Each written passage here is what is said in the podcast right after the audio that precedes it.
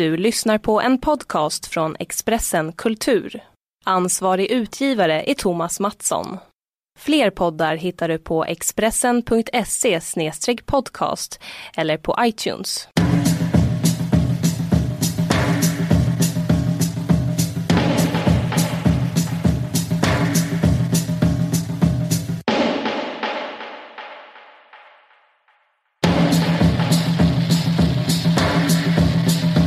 Ring, ring.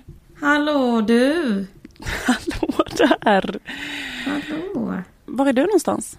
I Göteborg, hemma! Hemma.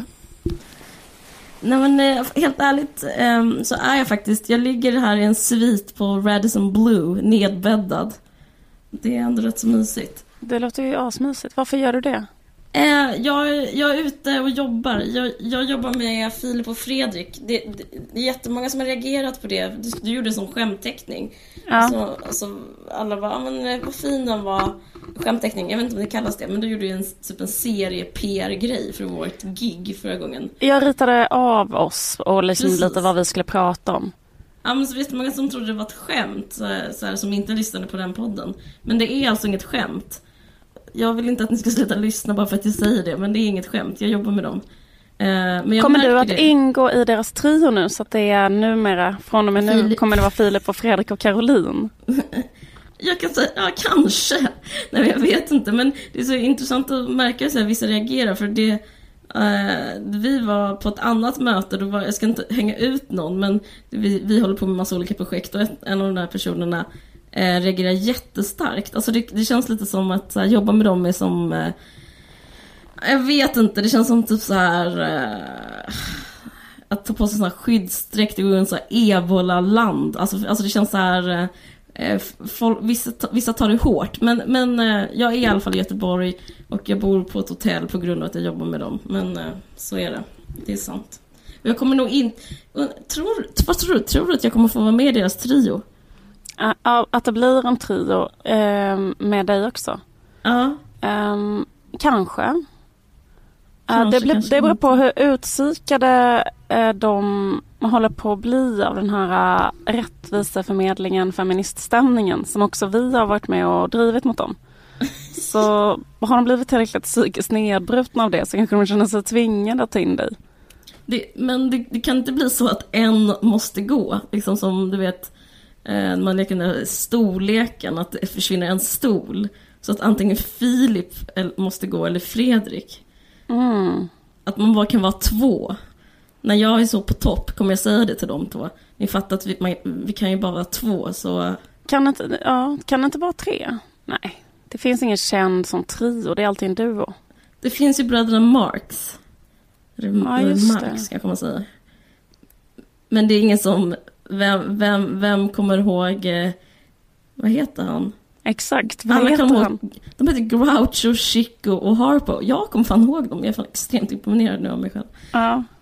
Ah, ja. Men man kommer ihåg eh, Harpo och eh, Kommer hon ihåg Chico? Groucho. Nej, Chico är där man inte kommer ihåg.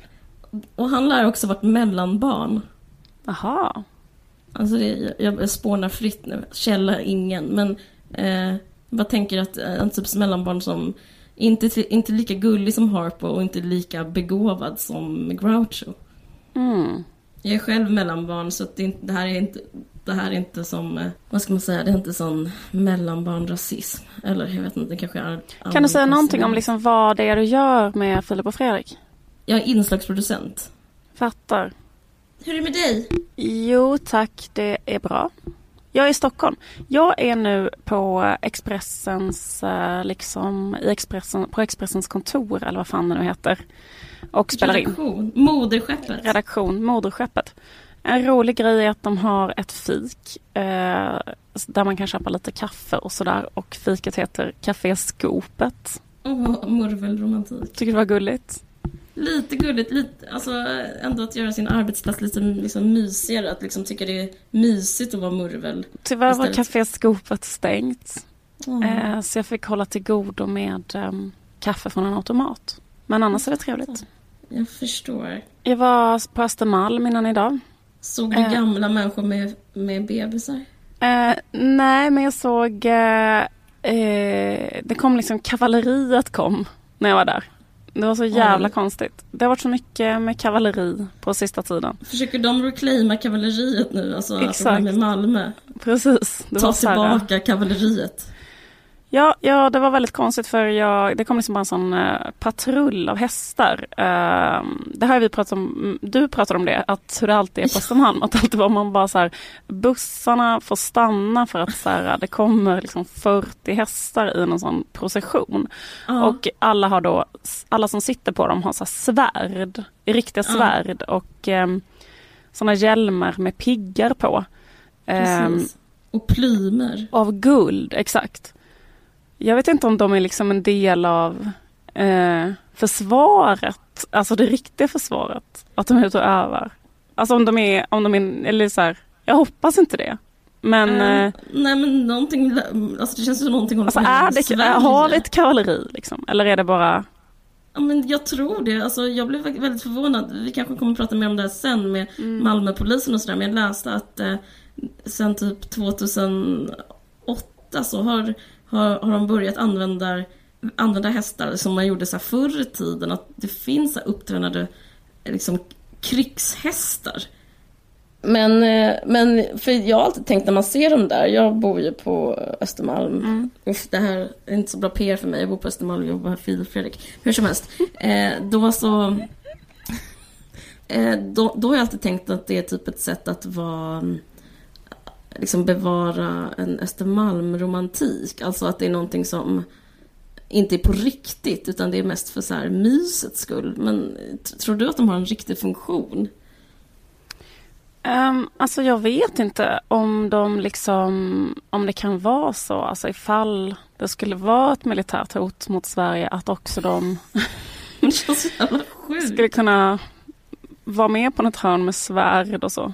Vad är nästa steg? Man kommer så här flytta in i de eh, hyddorna i Skansen. Det känns så jävla, allt känns så jävla surrealistiskt. Men eh, vad gjorde du på Östermalm? Jag var faktiskt där och um, signerade några grafiska blad som jag har gjort. Som var i en ramaffär där. Det känns också lite Östermalm. Eller hur? Förlåt för att vi är så borgerliga. Jag ber om ursäkt. Det är vidrigt. det är fan vidrigt.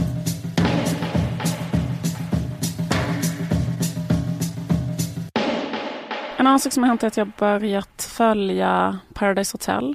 Har du, har du, har du kollat upp på den nya säsongen som har All, börjat nu? nej, aldrig sett eh, Paradise Hotel. Det är rätt så intressant ändå för att det är så här... äh, programmet går ju ut äh, på att så här, mm, deltagarna ska ligga med varandra. Eller det är också liksom en komponent så att de bildar par, heteropar. Mhm. Och sen så har de liksom fri sprit hela tiden och går runt med baddräkt och så måste de sova i samma säng för att få stanna kvar. Så upplägget är att de ska ligga med varandra för att man då ska filma det. Jaha. ganska hög utsträckning.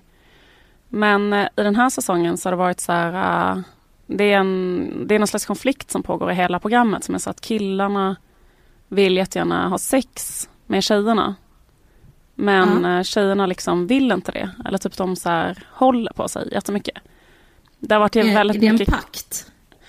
Eh, nej, jag tror bara att de inte vill det. Eh, och det har varit jävligt mycket klag eh, på killarna. Eh, av typen, det har varit, eh, Har de klagat för att de fått blue balls? De har liksom varit mycket sådana egna prator in i kameran där de har sagt saker som eh, en väldigt viktig faktor för mig i ett förhållande är att man har samma inställning till mys. En viktig faktor är, alltså då han kanske vill um, mysa med sin tjej, alltså, eh, alltså vara fysisk på olika sätt med henne men hon eh, vill inte det utan hon vill bara röka och supa och eh, liksom hon är bara där för spriten och så vidare. Liksom så. Mm, det har varit ett, så här, ja, men det har varit ett eh, genomgående problem med alla de killarna då att de inte har fått eh, sex Mm. i så hög utsträckning som de vill. Men det är liksom ett, eh, alltså det är så intressant tycker jag ändå för att ehm, mm, vi lever liksom fortfarande i ett samhälle som är så här, där det finns liksom en dubbelmoral kring så här, kvinnors och mäns sexualitet. Och Mm. eh, de männen har ju, ehm, är ju jättesexistiska liksom. Mm. Och ehm, har jättemycket sådana, eller har flera gånger liksom gett uttryck för så här väldigt starka hora madonna-uppfattningar. Typ en tjej blev jättekritiserad, eller de skämtade med henne om att hon låg runt till exempel. Och så. Ingen av tjejerna har ju legat med någon. Så liksom anledningen till att tjejerna inte liksom släpper till på något sätt i programmet är Mm. ju att de känner, känner sig liksom utsatta i sin sexualitet, upplever jag det som. Alltså att det är så Mm. svårare för dem att eh, ligga med någon i Paradise Hotel än vad det är för de killarna. För de killarna sätter ingenting på spel när de ehm, lever ut sin eh, sexualitet. Men tjejerna gör det. Mm. Eh, vilket gör att eh, det blir mycket mindre liksom, sex i Paradise Hotel än vad det hade kunnat bli. Mm. Alltså att hora madonna-komplexet förstör tv-underhållningen. Intressant. Även, eh, även tv skulle tjäna på jämställdhet. MAO. Exakt. Jag har också, eh, jag har också idkat kultur. Så jag skulle säga idkat älskog. Nej, Nej. det kan jag faktiskt säga. Nej, jag ska inte, jag ska inte bli privat. Personlig, men aldrig privat. Eh, jag, ehm, jag, jag, jag, jag tänkte säga någonting om att hålla på sig, inte hålla på sig, men det är helt ointressant. Ehm, om folk vill hora ut får de göra det. Om folk vill vara madrasser får de vara det. Mm. Skoja.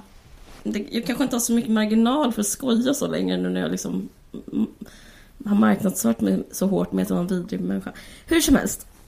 Jag har, jag har sett på um, också en sak som handlar om könsroller kan man säga. Mm. Eh, Ruben Östlunds Turist. Ja. Har du sett den? Jag, jag, för mig är det oklart. Jag vet att du har parafraserat den i, på ditt Instagram och det var väldigt kul. Men ja, för jag hittade en sån app som heter Action Movie App och då kan man göra egen... Jag tänkte skriva något kul under men sen kom jag inte på något kul för då kan man göra så att man själv blir översnöad av en lavin med någon sån. det var jättekul. Och då tänkte jag skriva så här typ, eh, livet som singel eller något att bli översnöad. För är inte grejen i, i Jo, det är att, då, att ehm, en eh, familj blir, eh, kom, blir nästan så här eh, insnöad eller vad fan det heter. Mhm. Utsatta för en lavin. mm, En avalanche. mm. Och, eh, men det handlar väldigt mycket om mans... schysst det är mot- de internationella lyssnarna. Ja, kan precis. hänga med. Ja, men det är ett rätt så fint ord. Skit i det. Mm. Ehm, Också lavin är rätt så fint. mm. Lavin, som jag säger. Levan, en råglevan. Jättefint ord. Det tycker jag är. Jättefint bröd också. Mina två favoritgrejer, levan och Ruben Östlund. Skojar bara. Eh, fortsätt nej, berätta. jag Ja, men, ja, men, jättesnabbt jag tror många vet faktiskt vad den handlar om. För det känns som att det har varit så här jävligt mycket i media. Det handlar om en man som överger sin familj och försöker rädda sig själv när den blir nästan dödad i en lavin. Men så var det inte en lavin. Men liksom då kan de aldrig komma över det sveket. Typ att han sket i dem i en nödsituation. Exakt. Men det handlar den om på ytskiktet. Jag säger inte att du är ytlig, men den handlar om det på ytskiktet. Alltså jag har ju bara läst om den, jag har inte sett den. Nej, precis. Men, eh, men den handlar väldigt mycket, det här har du säkert läst också, att den handlar väldigt mycket om mansrollen. Mm. Och den har blivit väldigt hyllad, även internationellt. Mm. Den heter Force Majeure internationellt, när den tävlar i Cannes och sånt där. Mhm. Ja, Vilket bra, rätt så bra översättning Ja. faktiskt. jättebra. Eh, men, eh, men det handlar om mansrollen och det handlar om så här, den... Eh, vad ska man säga? Den, kna, alltså, den handikappade mannen. Liksom. Mm. Och så har eh, Ruben Östlund, som jag måste säga här och nu, att jag, och det är inte bara för jag är i Göteborg, men jag älskar faktiskt Ruben Östlund. Jag tycker han är jävligt grym. Mm. Eh, de ofrivilliga och play och så vidare. Men den här filmen, eh, för att vara konsumentvänlig mot våra lyssnare, den här är, är, är bara en trea. De andra tycker jag är en femma.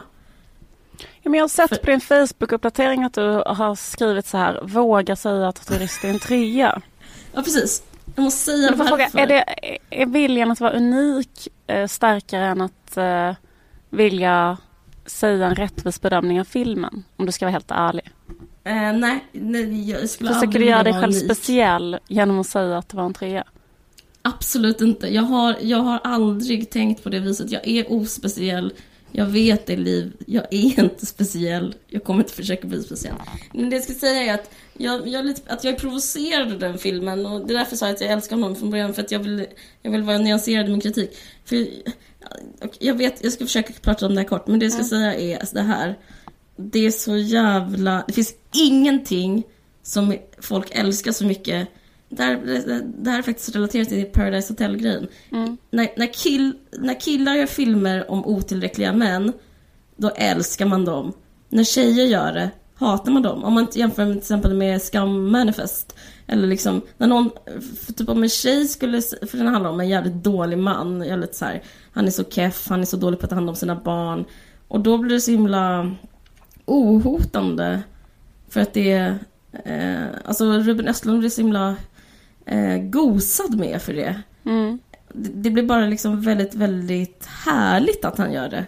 Men jag tänker att en, om, en, om en kvinna skulle gjort den här filmen skulle, skulle liksom det bli en slags debatt om att Alltså typ bloggar, sådana sjuka bloggare säkert, säkert liksom sagt så här vidriga saker om feminismen och sånt där. Men även så här kulturkritiken hade typ så varit eh, man tycker inte om kvinnor som kritiserar män, men man tycker om män som kritiserar män. Det är min spaning. Mm. Det är som säkert det... sant. Men, men påverkade det filmen som sådan? Ja, för det blev en självgod aura kring den. Det, mm. det, det blev duktigt. Det, det, tycker jag är svårt med konst, när konst är duktig och när konst är rätt. Mm. Det, blir, och det, det påminner också om att det är liksom trendigt på något sätt. Han som upphovsman liksom hovrar över filmen. Att han, han ser att män också är dåliga.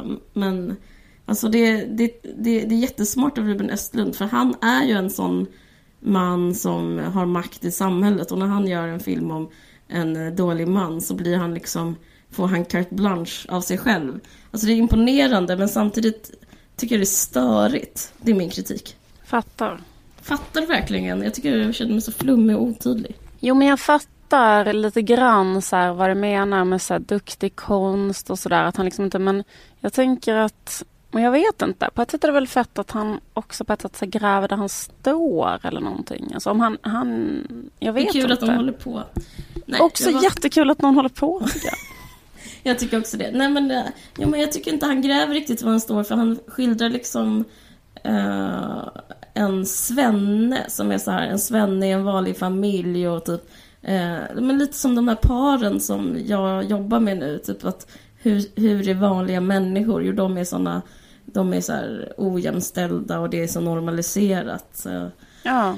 Eh, men det går inte, jag vet inte, jag tycker det är så svårt det här med bio, biografiska krav. Det kan man inte ha. Men det skulle vara kul om han gjorde en film om en regissör som gjorde en film om någon som gjorde eh, som övergav sin familj i en lavin. Alltså det skulle jag tycka var kul. Mm. Det skulle jag tycka var kul på riktigt. Mm. Men jag kanske inte kan begära så mycket. Jag skulle snabbt säga att jag också sett Apornas planet. Eh, där behövs rättviseförmedlingen igen. Det bara, var bara manliga apor. Och så, alltså sci-fi, även Hobbit hade vi den kritiken. Att det var mm. bara manliga hobbitar. Och sen har jag också sett Woody Allens nya film. Mm. Den fick faktiskt en svag trea. Eh, den var inte så bra. Mm. Misstaget man gör med Woody Allen, det är att tro att han är djup, men egentligen är han en komiker. Men den här var inte särskilt rolig. Men Colin Firth var bra. Så nu är jag klar med min kulturkritik. Tack så mycket.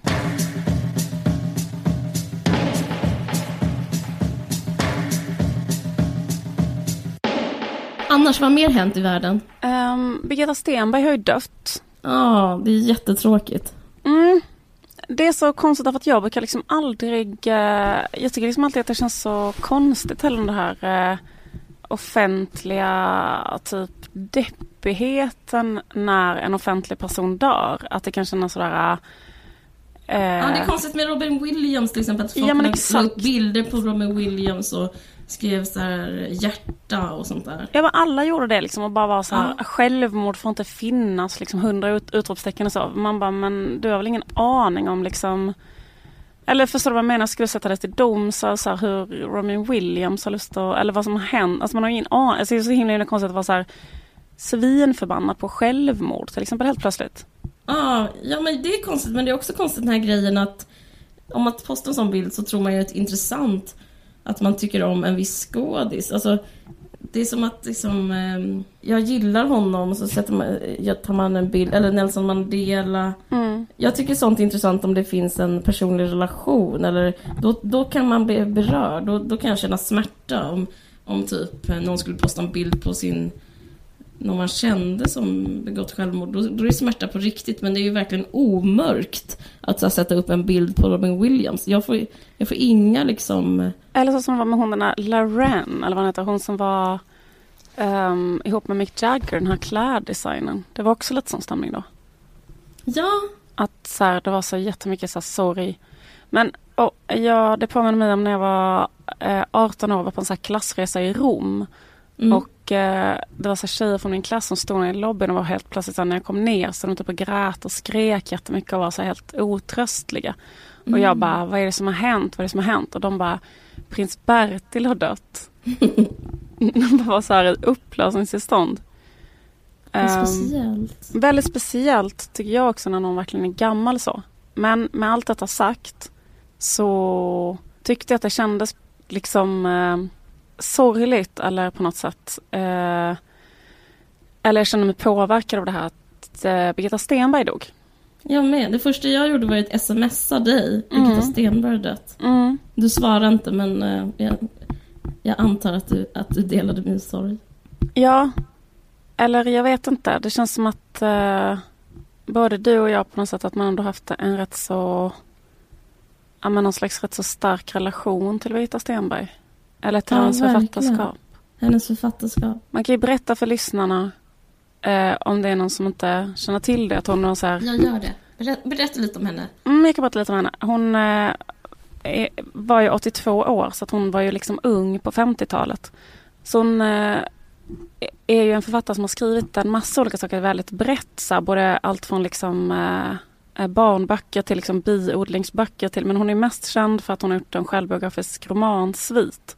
Eh, Mm. som handlar mycket om när hon var ung i, eh, i, alltså i olika europeiska länder och reste omkring och så.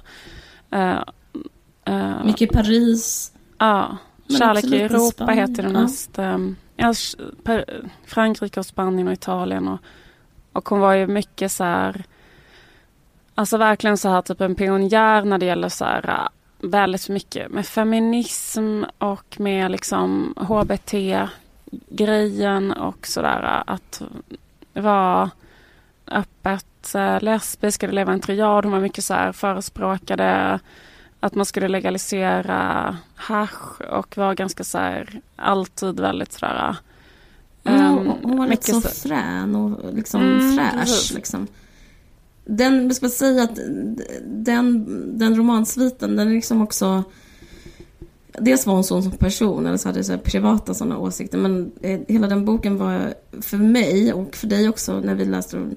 Men jag pratar för mig. Den var ju, det handlar om en kvinna som, som gör det som kanske Jack Kerouac eller Kerouac, jag vet inte Mm. säger hans namn. Alltså de här beatnikerna, Mm. hur de levde och även kanske lite Hemingway, hur han levde och även eh, alltså vanliga författar, underbara författarsvin man älskat genom åren. De har ju alltid varit män, de har, och, men så har de åkt omkring olika städer, rest mycket, typ festat mycket, eh, varit på äventyr. Det, det var alltid så här manliga huvudpersoner. Och så var det väldigt speciellt att få läsa om en kvinna som typ söp svinmycket, var ute svinmycket, eh, typ hade så lösa förbindelser.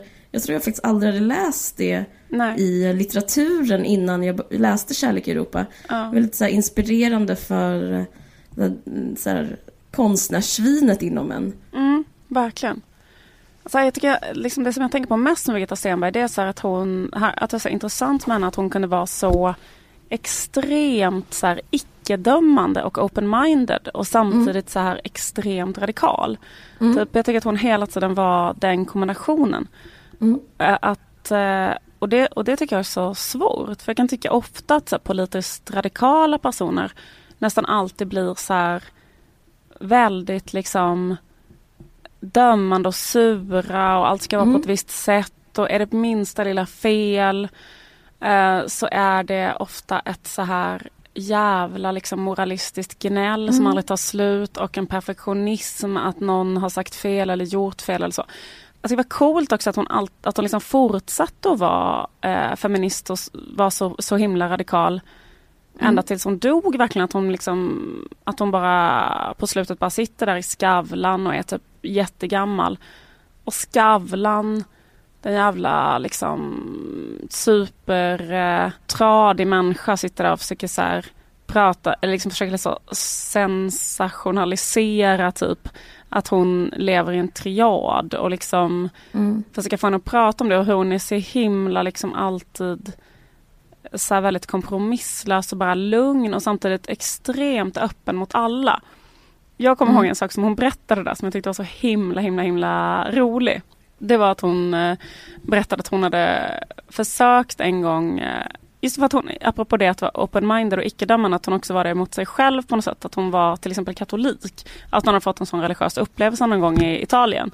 Att hon mm. var liksom katolik och eh, lesbisk och gift med en kvinna på slutet och, eh, amen, och drogliberal. Och, alltså att man är så väldigt tillåtande mot sig själv. Mm. Eh, liksom jag får vara katolik eh, och en drogliberal polyamorös. Liksom. Jo men då berättade hon att hon en period hade försökt leva i celibat. Mm. Och sen så hade hon levt i celibat ett tag och sen så sa hon så här, men så kände jag inte att det var min grej. Och Skavlan bara, varför inte det? Hon bara, därför att jag märkte att jag eh, började tycka att jag var bättre än andra människor. Mm. Och då eh, hoppade jag bara in i en taxi och sa, nu kör vi iväg och gör någonting till den taxichauffören. Men det tycker jag är rätt så roligt för det där, det där med att vara så moraliskt rättrogen eller någonting. Att Men det, det, tycker jag är en del, så här, eller så här, det tycker jag är också en eh, tumregel för bra konst också. Att, att ha liksom en moralistisk ingång till att berätta någonting, det gör ju saker och ting snävare. Om man vill vara nyanserad så går det inte att vara moralistisk om man vill berätta om hur livet är. Liksom. Och hon berättar ju väldigt mycket om fel hon gjorde själv. Alltså hon, hon gjorde i stort sett bara fel hela tiden. Och bara, jag tycker liksom att det, det är därför hon är en bra författare. För det är, liksom, det är inte kompatibelt att vara dogmatisk och vara en bra konstnär. Liksom. Förstår du vad jag menar? Ja, absolut. Kan, kan det är samtidigt rätt Ruben så... Östlund lite. Att hon, han kanske är för duktig där liksom. Hon kanske så här borde... Ja, men jag tänker att just Ruben Östlund har ju också gjort liksom totalt tvärtom. Jag tänker i Play till exempel och så. Mm, den är underbar, men jag menar den här nya filmen. Ja, jo men precis. Han hänfaller lite åt att så här göra rätt. Liksom. Vilken tycker du är Birgitta Stenbergs bästa bok? Eh, Våldgästen. Det är liksom en så här superbra, liksom bara en som, som, som, som konstverk. Typ den perfekta mm. romanen. Typ. Alltså det finns så här den är så fruktansvärt välskriven och välkomponerad och kuslig. Och så. Det, det handlar om en ung kvinna som eh, och det är typ en ung kriminell kille som flyttar in till henne och bara mer och mer och mer börjar så ta över uh, hela hennes... Um, hon är typ en ganska svajig typ konstnär. Det är så fruktansvärt bra beskrivet, något så psykologiskt spel. Hur han bara mm. i högre och högre utsträckning börjar så här, det. bestämma. Det är liksom en, bara en svinbra roman. Den har liksom aldrig blivit utgiven igen och så tror inte jag. Eller inte på jättemånga år i alla fall. Jag hoppas de gör det nu. För det är också så här, ganska konstigt med romaner. Hon har skrivit jättemånga romaner, du vet. Men så är det liksom, vissa får liksom... De här Kärlek i Europa... Hon har inte så hög kulturell status. Hon har inte liksom fin... Mm. Jag vet inte om hon hade det nu i slutet, men jag upplever att det känns, hon känns otroligt eh, inkompatibel med Svenska Akademin till exempel. Mm. Alltså det mm. finns någonting rå, liksom för rått och för liksom... Hon har inte det där sista förfinade som jag tror också därför att hennes författarskap inte... Det har inte varit så upphöjt. Och deppig jag nu, eller på ett sätt är det positivt, men jag, min första tanke var så här, fy... Det låter kanske, kanske sårar någon, men jag tänkte så här, fan vad skönt att hon har dött nu, för nu kanske äntligen hennes författarskap kan tas på allvar. Det hände lite med Kerstin Thorvald när hon dog, att, mm. att hon helt plötsligt så här... Eh, alla alla kom överens om att hon var väldigt begåvad helt plötsligt. Annars var hon också väldigt så här, eh, lite för smutsig i många mm. sammanhang. Mm. Att liksom även om Kerstin Thorvald kanske blev nedskriven så eh, av så här, eh, liksom så här på, av kultureliten så känns det som att hon alltid haft så här en läsekrets som liksom verkligen har älskat henne, haft en väldigt nära relation till henne och så. Tänk på mm. de där I skuggan av oron och sådana där böcker eh, när man mm. sköter arbetare, så här fruktansvärt starka berättelser som mm. man tänker liksom har haft en väldigt, väldigt så bred läsekrets. Och lite samma grej med faktiskt med Birgitta Stenberg. Det är det också som är så jävla fett att hon alltid har varit så, alltså är verkligen så en pionjär när det gäller så att skildra liksom eh, saker som man inte liksom pratar om överhuvudtaget. Alltså det är samma sak med Kerstin Thorvall. Men jag tänker mm. att Birgitta Stenmark har skildrat sådana ämnen som liksom hela grejen att eh, kvinnlig sexualitet, liksom att skildra så här, övergrepp, alltså våldtäkt till exempel. Mm. Eh, att det är så himla, ja men det är verkligen sådana ämnen som inte är så himla ofta beskrivna. Nej, verkligen inte. Och speciellt inte av den generationen. Um... Jag tycker även starkt med sådana också kvinnoämnen som så ätstörningar och sånt där. Jag tycker det är väl, i Kärlek i Europa tycker jag det är, eh, det är liksom eh, det är starkt gestaltat. Liksom, det finns de här bantningspillerna som är en slags amfetamin som hon tar. Mm. Minns du det? Visst. Det säger så jävla mycket om hur det är att vara kvinna. Liksom.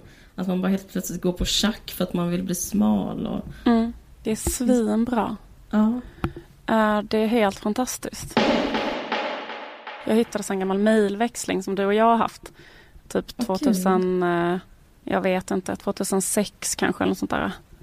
Är det från din Pocahontas Löv-adress? ja, nej det är det inte. Okay. Men du har Kringskog. Okej, okay. uh, okay, men jag har skrivit till dig först i alla fall. Ja, ska du läsa upp den? Ja, jag kan läsa upp den. För subjektet i mejlet är Birgitta på 2000-talet. Ja, mysigt. Jag kan säga att eh, vi har en gemensam vän som vi kallade för Marilyn. Som var med ja. mig. Jag var i Slovenien. Det står så här. Kära Caroline, jag kunde inte svara på ditt mess för jag är i Slovenien och har inga cash mo på mobilen. Jag kommer hem på måndag och jag hoppas att du är kvar i Malmö så att vi kan fika. Jag och Marilyn har det underbart i Slovenien och beter oss ungefär så som Birgitta Stenberg betedde sig på Capri på 50-talet. Vi röker hash, älskar passionerat med två underbara fransmän och dricker slovenskt vin från en sydsluttning. Min fransman heter Jean-François och bor i en bil och är en fantastisk älskare. Allt är fantastiskt. Vad sa du? Fantastisk älskare. Han är en fantastisk älskare. Ja. Allt är fabulous med andra ord och jag berättar mer när jag kommer hem. Stor puss från Liv. Mm. Du svarar så här. Åh älskling, det låter underbart. Jag kommer till Malmö imorgon. Jag glömde att det fanns sådana som er. Kärlek i Europa! Utropstecken. Idag frågade jag mig själv, gillar jag smärta? Sov hos honom i natt, samma säng som en, känd, en kändis. Sovit där natten innan. Fuck it, Stockholm har blivit kallt, folk är könlösa, anorektiska och hatar sex. Vi ses i Malmö, tisdag och forever. Hälsa Marilyn, puss C.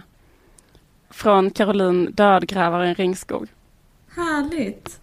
Eh, ja, men exakt, exakt. Det, vi har en stark relation till Birgitta Stenberg. Mm. Mysigt. Men... Eh, Får jag säga en kritisk sak bara för att nyansera mm. Birgitta Stenberg? Jag känner inte att jag blir så jättedrabbad av hennes språk. Förstår du vad jag menar? Mm. Jag tycker mer, det är därför jag pratar om att det skulle filmatiseras. Att jag alltid tänkt att innehållet, alltså själva... Eh, det, vad hon berättar har alltid varit starkare för mig än hur hon berättar det. Mm. Har du tänkt på det någon gång? Ja, men jag håller inte riktigt med. Alltså, jag tycker till exempel i den där romanen Våldgästen, att det är så här, ja. Att det är liksom så fruktansvärt bra berättat och ja. gestaltat. Men, um, ja men precis, men det är ju så här, kanske inte så som Birgitta Trotzig uh, skriver så. Alltså eller typ att man sitter och hittar på någon slags fin uh, komplicerad metafor eller sådär. Uh, Nej, kanske, jag, jag vet inte. Alltså, jag har inget så här direkt emot det men ibland kan man bli så här att man kan känna sig uh, dingdong, man kan känna sig drabbad av folks språk. Att man blir så här, lite som man går på någon drog när man läser något. För att språket är så... Eh, det är som man får någon kontakt med Gud. Mm. Och, och, så, så känner inte jag. Men jag tror också det för att jag, jag älskar eh, hantverk så himla mycket. Jag, alltså jag, tror, jag tycker om att skriva själv och så. Och jag tycker det är roligt. eh, Jag tycker det är väldigt kul med just... Det, jag är mer som kanske som en frimärkssamlare. Jag, jag är kanske en nörd på det viset. Att jag tycker det är så här kul att vara så extremt pysslig med språket. Att så här, hålla på med språket eh, jätte, jätte, jättemycket liksom. Och, eh, så ibland så kan jag känna mig otillfredsställd om det är lite för opyssligt språk.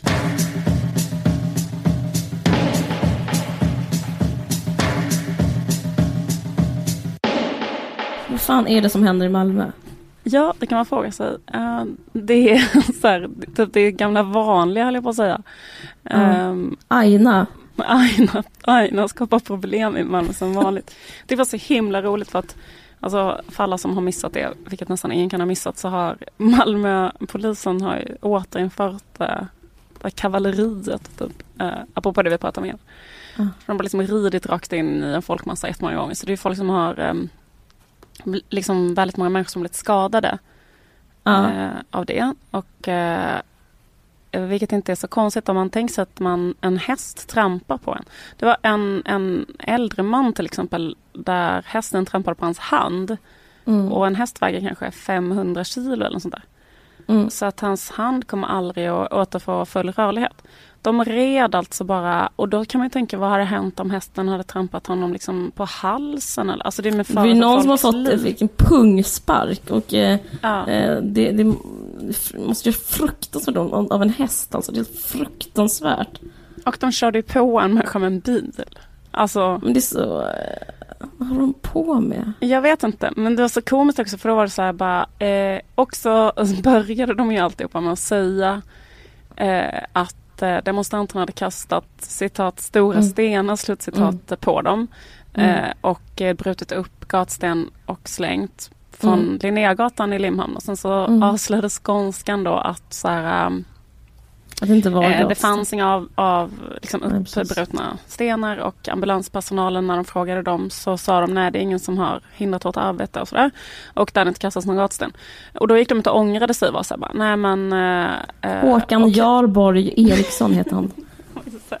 Ja men okej det var, okej det var inte så. Ehm, Även, sen- där, även då har, sa polisen att de blev, eh, fick, eh, de motdemonstranterna kastade ammoniak, ammoniakballonger på dem. Och det tog, har de också tagit tillbaka idag. Okej. Ambulanspersonalen blev inte angripen. Det fanns ingen gatsten som blev kastad. Och det fanns inte ammoniak. Nej. Och de bara, de bara ljög. det var så sjukt också för att då, eh, då var det sån här stämning att typ Leif GW och eh, andra människa har uttalat sig och en vanlig sägning då är att säga så här. Eh, det är väldigt dåligt att eh, gå ut och ljuga på det här sättet och sen ta tillbaka det för att det så här skadar förtroendet för då Malmöpolisen. Och det tycker jag är lite LOL för man bara, eh, menar ni det här förtroendet att de är så himla duktiga på att eh, göra romregister typ? Eller vad är det för... Ja, precis. Ja, menar de, det eller det- menar du de kallar Babbe? Eller är det att någon kallar dem apajävel? Är det det, är det det som... Nej men jag vet inte, för det känns som att Malmöpolisen är liksom a- ständigt De är den där aktuell. riktiga klantarslen alltså. De är, de är, det är något annat. Det är De, hemskt. de har ju varit inblandade i så mycket konstiga grejer. Liksom. Också den här grejen med eh, den här lasermannen i Malmö. Eh, det fanns ju en Ja. sån person som sköt invandrare och då var de liksom aldrig honom på spåren för att de Nej. räddade aldrig ut dem där borta för att det var typ en invandrare som blev skjuten och då liksom skitsamma. Jag menar, men Ja, men de var inte ens hack i häl. nej, nej, de hade ingen aning om det här pågick i De åratal. läste också i tidningen dagen efter att han hade varit, i, varit och skjutit helt fruktansvärt. Eh, ja, han, han, han sköt ju bara invandrare genom folks fönster och sådär när de var hemma. De var så upptagna med att så här, eh, göra ett litet, bara ett pyttelitet register på romska barn. så de liksom hade, de behövde mer resurser. Det var så många som jobbade med, med det, det där med att skriva upp barns personnummer på en liten speciell liten mapp. Men det var ju, nej men jag vet inte vad man ska säga om det. Ehm, Nej, det är helt fruktansvärt. Jag läste det i tidningen. Det var Svenska Dagbladet skrev idag. Jag gjorde det för jag åkte flyg. Läser inte den högerblaskan annars. Men, men då så vet du stod det att eh, det är en relativt ny grej. De, det var en före detta polis som skrev om så här, eh, polisens eh, roll i så här, nazistiska demonstrationer. Att eh, det, det är liksom någonting som har smugit sig fram. Och det är väldigt så läskigt att läsa. Att, för han jämför hur det var på 90-talet, slutet av 90-talet. Att då var det mm, polisens inställning till svenskarnas parti då mm. var att eh, det var ett brott mot yttrandefrihet och det var hatbrott, så här, stämning mm. och det var en massa sånt skit.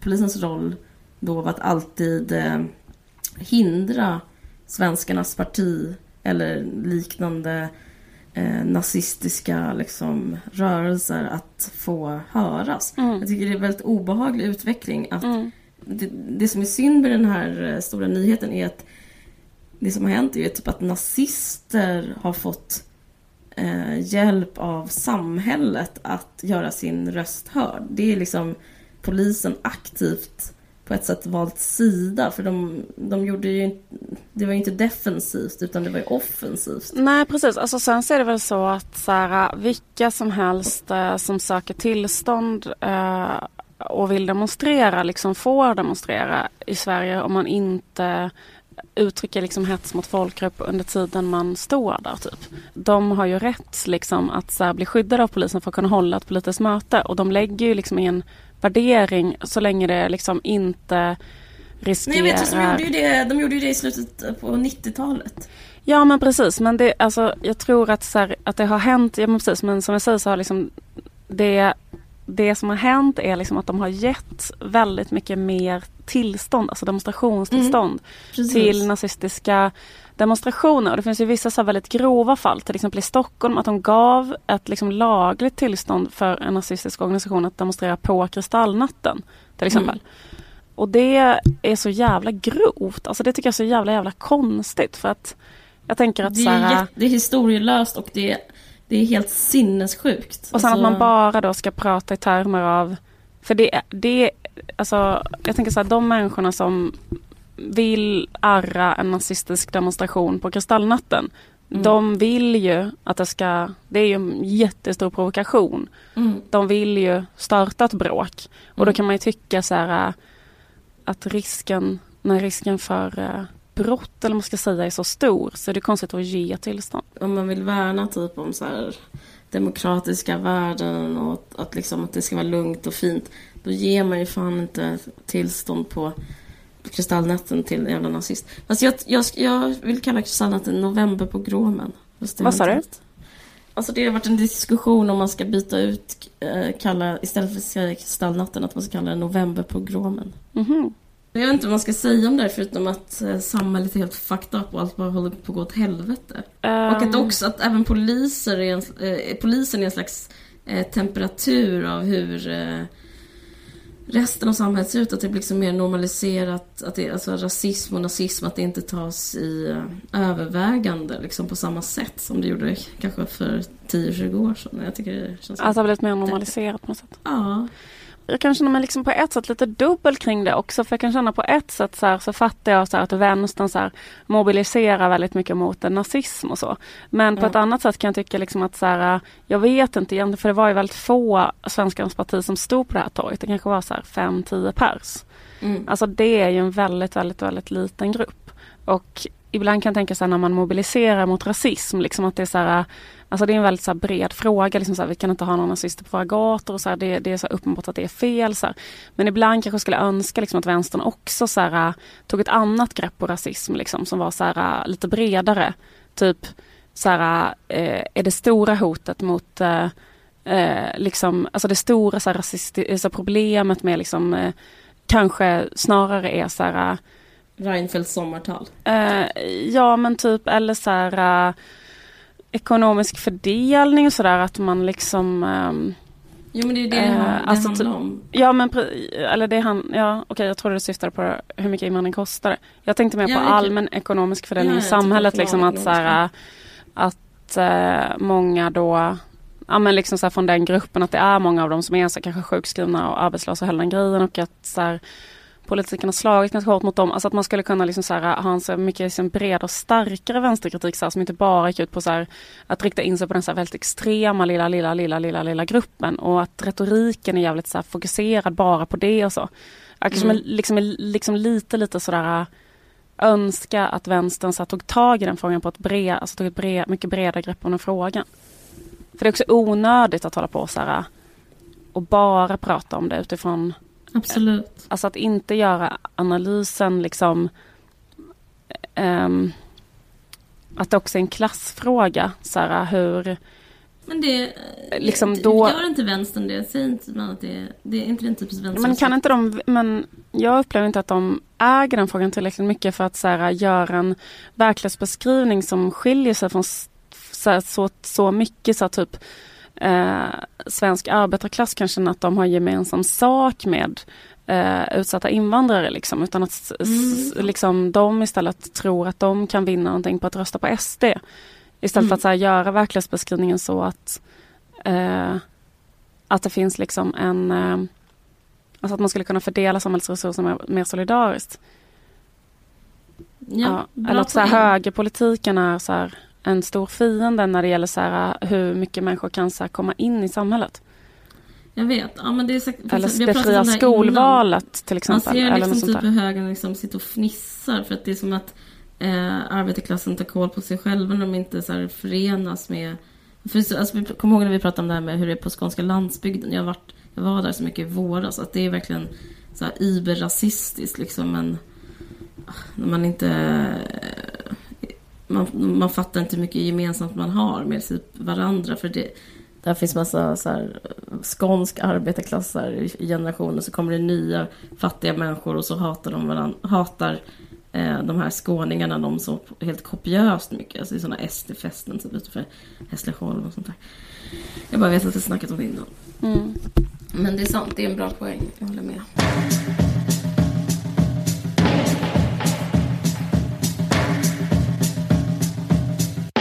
Har du sett någon Göteborgskändis? Har du sett Lasse Kronér? Nej, det gjorde jag förra gången jag var här. Och mm -hmm. Glenn Hysén. Okej. Alltså bara helt random på gatan. Helt fantastiskt. Mm. Vad heter det? Hur såg det ut att vara med, hur var det med Lasse Kronér? Hur såg han, han har, du har hört mycket där om att han har verkat så ledsen av sin skilsmässa. Nej, men han, han, han, han tjötade på. Mm. Det, det var utanför TV-huset i Göteborg så stod han där och hade ett långt rant. Jag, jag saknar, inte Lasse Kronér, men jag saknar Ingvar Oldsberg. Han, eh, apropå... Eh, alltså, har, har På spåret börjat nu när Det är att se The Big Three. Eller finns det inte en sån, när man är på safari i Afrika så ska man se så här, The Big Five eller sånt där. Det är typ så här, ett lejon, en buffel, en zebra. Men då har du nästan sett The Big Three i Göteborg. Precis, Lasse Kronér, Glenn Hysén. Och, och nu saknar du Oldsberg. Ja men jag saknar Oldsberg i rutan. Gör inte du? Äh, men han ska börja leda Bingolotto. Men det tycker inte jag, det är, det är, inte lika bra. Jag vill att han ska tillbaka till På spåret. Mm -hmm. Jag hatar dem På spåret. För mig är de de nya som jag hatar. Mm -hmm. Jag håller faktiskt inte alls med. Okej, nej det, det är många som inte gör det. Jag har inte träffat någon. Uh, ja, det är klart att man stör sig på vissa saker men jag tycker ändå att det känns lite så här... Uh, nej, jag saknar inte det. Men Oldsberg... Jag saknar hans jämnbruna klot, fotbollsklotrunda ansikte och leende. Jag tycker han passade där. Han rökte ju så fruktansvärt mycket cigaretter. Jag vet inte om han gör fortfarande men det var en sån grej med honom att han... Jag vet inte. Jag blir alltid inspirerad när jag ser en riktigt gammal storrökare. Att det är ja, möjligt. Det känns som taket lyfts på något sätt. Ja men det är allt trotsa livet. Det känns som the secret liksom. Att det är så här, ja, allt är möjligt. Livet, livet kan bli bra. Det känns så här, det går att vinna över döden. Sådana känslor får jag av Oldsberg. Ja, så är det möjligt att röka så mycket cigaretter och ändå bara så här, se rätt brun och fräsch ut och liksom leva på. Det är inte som att han har någon eh, liksom eh, jobbig hosta eller sånt där. Han verkar ju typ Nej, fast tyvärr har han cancer. Det, det vet du väl? Förlåt, jag menar absolut inte att skratta åt det. Det tycker jag Nej. Nej, jag bara undrar om du visste att han har, han, det var en jättestor grej med honom och hans cancer. Vad tycker du om kampanjen Fuck cancer? Eller kanske Fuck cancer, man kanske ska säga. Ja, Jag är ju själv cancer, så, att, så för mig känns det inte så kul. Nej jag skojar, det var väl Mm. ännu värre. Du har blivit så himla Göteborgsdubbet att äta räkor och nu gör du ordvitsar. Eh, nej, vad fan, nej jag vet inte. Men vad fan var det? Det var en annan kampanj som Festa mot. Vad tycker du om den kampanjen? Jag kommer inte ihåg hur den var. Var det att man skulle festa mot vad? Vad som helst? Det enda jag vet är att vår kompis Ingrid Ja. eh, skrev massa ironiska sms om att hon satt och festade mot olika saker. Så jag, jag tycker den verkar kul den kampanjen. Ja. Jag tror att man kanske ska festa mot Isis. Alltså fest, festa mot Isis precis, eller festa mot eh, eh, typ homofobin. Ja, Det kan Jag ha, ha något med Pride att göra. Festa mot Isis. Ja. Du har, ju, varit- har du varit på Malmöfestivalen? Ehm, ja, lite grann. Har du suttit i David Isaak-buren i 15 minuter? Eh, nej, för jag blev faktiskt tillfrågad om att göra det. Uh, så här, av de Gud, som jag har det. aldrig älskat dig mer nu. Men sa du nej, vad glad jag blir. Varför blir du glad över det? För jag står inte ut med det. Jag står inte ut med att eh, någon så här kändis, jag, kan, jag känner ju eh, vissa av dem som har suttit där, så jag kan inte nämna några namn tyvärr, men att någon kändis med, med så här kulturellt kapital och så här storhet sitter och tittar allvarligt i 15 minuter och sen så typ ja, festa mot något fem minuter senare. Alltså det är så... Nej, det är liksom helt... Jag står inte eh, ut med det. Nej, jag står inte heller ut med det. Det är liksom helt... eh, Han är ju fortfarande fängslad. jag vet. Jag vet. Du, men du blir tillfrågad sa nej? Ja. Men, men jag känner mig liksom kluven kring det för det är liksom inte... Jag menar, du inte jag kan inte Du säga... Jag vill kan, att han ska friges? ja, men alltså, jag kan inte säga så här rakt av att den kampanjen är jättedålig. För det, jag, jag tycker inte heller så här... Kanske att det är... Det kan väl finnas en poäng med det att så här, människor så här, sätter sig in i hur någon annan har liksom, eh, en liten stund eller så. Jag Jag, tycker säger liksom inte heller att den är jättedålig. Jag tycker, jag tycker är helt, lite jag tycker liksom inte den är helt tokig. Jag bara känt att jag själv så här, kan inte med mig själv att sitta där storögd och bara låtsas som att jag så här, känner, eller så här, det, det känns liksom, eh, eller jag vet inte. Det, det känns Nej, men det är konstigt. klart det ska uppmärksammas, men det men däremot så saying, tycker jag, jag. absolut att Isak ska frias. Det är väl liksom jobbigt med, en enorm Jag tycker jag är en diskrepans jävligt som- dålig som- kändis också att ha.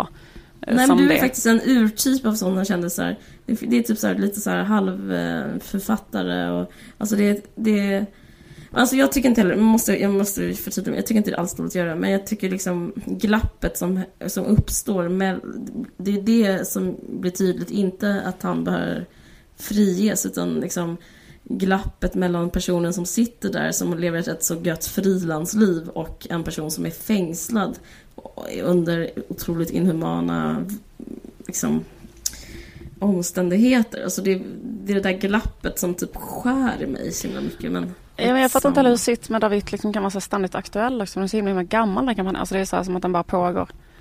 Ja. Men... Fria Eh, honom istället. Ni klarar med, Mart- med Chibi Persson. ja, Okej, jag ska inte hålla på med att bli konspiratorisk. Jag, jag är trött, men jag ska inte bli konspiratorisk. ja, vi var ju också på ett eh, möte med uh, Natur och kultur. För vi ehm, ska ge ut en bok som är baserad på era frågor. Och ni har skickat så himla, himla, himla bra frågor. Ni som lyssnar på podden, ni vet vilka ni är. Mm. Ehm, då... ehm, vi kommer liksom att välja ut vissa frågor som ni har skickat och svara på i bokform. Ehm, det är ju inspirerat lite grann av det där allvarligt talat i P1 med som lite olika människor har haft. Bland annat Birgitta Ja, Stenberg det som behöver det. inte sticka under stol med att, de, att Birgitta Stenberg, Märta Tikkanen och eh, Kristina Kerstin Lugn och- och Kristina Lugn, alla de är jättestora idoler som vi vill... Vi älskar ju dem. Vi älskar vill dem. Göra, vi vill göra likadant. Ja. Eh, ja men så snackade vi, vi var på möte med förlaget. Och om ni har fler frågor får ni jättegärna skicka in dem på, så här, eh, vår, på vår Facebook. Bara inboxa dem. Nu bestämde vi på det här mötet att alla ska vara anonyma så man behöver inte vara orolig för det heller. Men om man får med sin fråga då kommer man kanske få en bok skickad hem till sig eller något sånt där. Ja, man kan- kommer få en bok skickad hem till sig. Och sen hade vi lite snack så här, eh, om hur omslaget skulle se ut. Du var helt inne på att det skulle vara ett jävligt seriöst omslag. Jag vill att det ska se ut som ett läromedel. Nej, men jag vill att det ska se ut Med, som Men en, ett läromedel är väl ofta så här, en daggkåpa med en glänsande daggdroppe i. Nej okej, men Är jag skulle säga att det ser ut som... En eh, närbild på ett blött löv. Typ. Eller är inte det läromedel? det är sant. Nej men jag vill att det skulle vara typ så här eh, enfärgat papp. Som typ eh, en slags eh, stencil med filosofiska isär. Jag vill gärna tänka att det är höger isär. Så att Mm. det är en konservativt stram stil.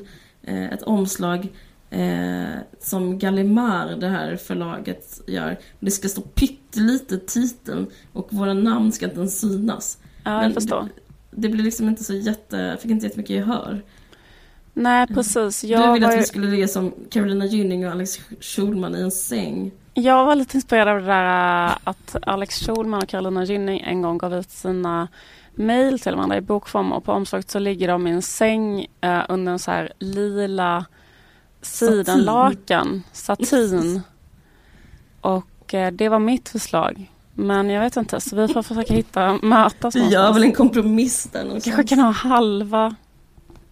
Jag är inspirerad av första upplagan av Sartre Le Mans, eh, hur den ser ut. Jag förstår. Ja,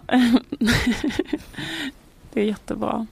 Ehm, Men jag får faktiskt alltid dubbla känslor kring Hora ut. Jag måste, Mm. vi behöver inte prata om det nu, men jag får det. på riktigt. men säg. Alltså, jag tycker Nej, jag tycker det är jobbigt. jobbigt att se en bild på sig själv till exempel. Jag tycker det är jobbigt så här. eh, alltså min, min skräckbild på ett omslag. Du vet så här när man hoppar upp i luften och slår, kla- slår ihop klackarna. Mm. Det, att göra så och så, så knäpper någon en bild. Det skulle vara abs, mitt absoluta... Men det här då, att vi, har lite, att vi, att vi är väldigt uppsminkade på oss en partyklänning och sen har en sån äh, kräfthatt lite på sned och sitter lite så deppat hopsjunkna och tittar uppåt. Så här, var det inte mer än så här? En serpentin Mm, ligger runt. Gud vad hemskt. jag får ångest på riktigt. Det är så kul att Men du okej, fick ångest på då? riktigt. Att Jag ha försökte bly- skoja. Och du Att, fick att så ha här, en sån blyertspenna i munnen och så glasögon på nästippen och titta upp, eh, kika upp ovanför en laptop. Det skulle också vara lite läskigt i omslaget. Eller ha en så här kort, kort kjol, högklackade skor, hålla en laptop och ha ben lite så kalvigt ihop och typ skyla sina ben med en laptop och gapskratta kanske. Men då har vi några idéer i alla fall som vi kan spåna vidare på. Men skicka Men, jättegärna eh, in frågor eh, till vår Facebook-sida. Bla, bla, bla. Eh, vad kul att ni lyssnar. Eh, förlåt om vi har sagt om vi var tråkiga eller borgerliga eller eh, oinspirerade eller kränkt någon eller jag kan inte komma på något mer. Det här är en Världssexing-podd. Jag heter Caroline Riksford Ferranoli. Du heter Liv Strömqvist. Det här är ett samarbete med Expressen Kultur. Hej då! Du har lyssnat på en podcast från Expressen. Ansvarig utgivare är Thomas Mattsson. Fler poddar hittar du på expressen.se podcast och på iTunes.